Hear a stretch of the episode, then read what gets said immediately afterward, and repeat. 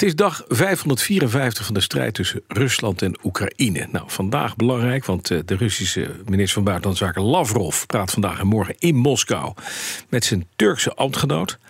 Om te kijken of er nog een uh, graandeal kan komen. De geklapte graandeal met Oekraïne ligt op tafel. Maar wat we nu horen is dat die, uh, dat die deal er anders uit zou gaan zien. Tussen Rusland en Turkije wordt gesloten. Oekraïne doet dus niet meer mee. Bernard Hammelburg is bij ons, onze buitenlandcommentator. En Geert-Jan Haan, onze Europa-verslaggever. Nou Bernard, wat verwacht jij van die gesprekken? Um, het, het, het, is inderdaad een behoorlijke zwenking, maar ik begrijp het wel. Omdat het, het probleem steeds was, moet even door Russische ogen kijken in dit geval. Uh, dat de Russen zeiden wij spelen hier een soort van uh, tweede viool. Want in de oorspronkelijke overeenkomst stond dat ook wij graan konden exporteren en kunstmest. Um, en dat bovendien één van de banken die is getroffen door sancties uh, zou, weer zou worden aangesloten op het SWIFT-netwerk, zodat we ook de betalingen kunnen verrichten. En bij al dat soort dingen is steeds gedoe. Um, dus ik denk dat de Turken zeggen. Um, tegen, tegen, of dat de Russen tegen de Turken zeggen: laten we nou eerst maar zorgen dat dat allemaal voor elkaar komt. Mm -hmm. En als dat er zo is, dan, dan, dan, dan, kan, dan kan de rest volgen. Dus ik denk dat ze volgorde hebben omgedraaid. Ja. Ik weet het niet. Um, maar uh, ja, er is ook steeds sprake van dat Erdogan een plan heeft om uh, Poetin uh, deze dagen te ontmoeten in, in, Sochi. Um, ja. in Sochi. Dus het kan ook best zijn dat het een opmaat is daarna. Ja. En dat, daarna dat dit uh, voorgesprekken zijn. Ja, nou maar dat is de grote vraag. Vorige keer was, wierp Erdogan zich op als de, de man die die graandeel naar buiten trok. Hè, met Oekraïne en Rusland, twee tegenover elkaar staande partijen. Ehm, zou die niet belang hebben bij het de Verenigde Naties deed toen ook mee als een van de partijen. Zou het niet veel belangrijker zijn als hij zegt: jongens, laten we nou toch proberen tegen de Russen om samen met de Oekraïners iets te redden van die, van die, van die graandeal? Want die exporteren ook graan. Het gaat niet alleen om jullie. Ja, ik probeer de berichtgeving hierover ook uh, te begrijpen. Want mm -hmm. ik snap dat Turkije en Rusland uh, al weken proberen met elkaar in gesprek te gaan hierover. Ja, ja. En dat is misschien ook de eerste stap die genomen moet worden.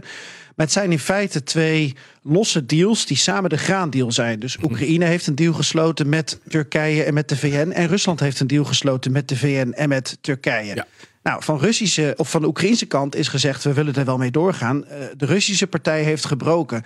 En ik kan niet goed inschatten als deze gesprekken tussen Moskou en uh, Ankara positief zouden verlopen. Of dan niet de VN weer aan om tafel komt. En of dat niet de andere helft van die deal is. Volgens ja. mij is dat nog niet van tafel. Um, en zijn we alleen gewoon terug bij af omdat uh, Moskou allemaal eisen stelt. Ja, duidelijk. We gaan het zien. En inderdaad, straks volgt, volgt waarschijnlijk nog zo'n uh, een gesprek tussen Erdogan en, en Poetin in Sochi. Uh, even naar een andere een, een bilateraaltje. Want het Witte Huis zegt nu bezorgd te zijn over de mogelijke nauwe banden tussen Noord-Korea en Rusland. Want, zo zegt de woordvoerder van het Witte Huis, Kirby, er zijn gesprekken tussen die twee landen over mogelijke wapenleveranties. Bernard. Ja, uh, dat is niks nieuws. Uh, dat gebeurt eigenlijk al, nou, ik denk wel zo ongeveer vanaf uh, de, de, tweede of de derde maand in de oorlog. Mm -hmm. uh, toen Rusland contact heeft opgenomen met Noord-Korea. Noord-Korea is een, een, een, een, grote wapenleverancier, een fabrikant. materiaal is ook best van, van goede kwaliteit. Het is niks spectaculairs, maar de Russen vragen ook niks spectaculairs. Deze deal, voor zover ik het begrijp, gaat simpelweg om artilleriemunitie. -hmm. um, en dat is een hele logische wens. Want als er nou iets is waar beide partijen voortdurend gebrek aan hebben, dan is het artilleriemunitie. Want dat wordt met honderd tegelijk weggeschoten.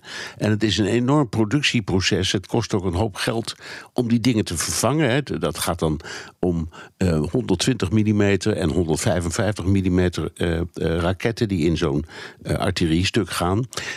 en daarover sluiten ze nu een denk ik, nieuwe deal uh, met Noord-Korea. Mm. Dat, dat is dan, um, dat is toch wel, uh, het is best pikant, want uh, ja. hè, officieel is het verboden, maar goed, er is zoveel verboden en dit is een oorlog. ja. Ja.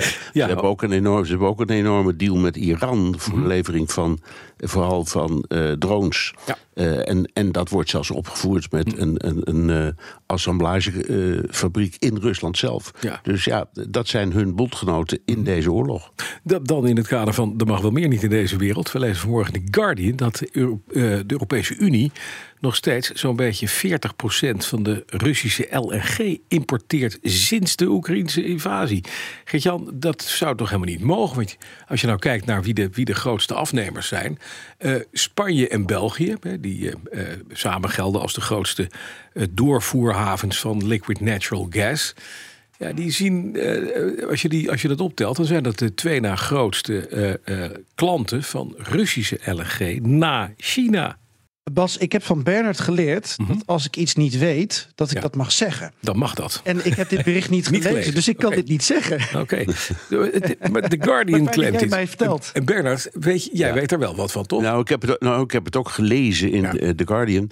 Um, en uh, het, verbaast mij.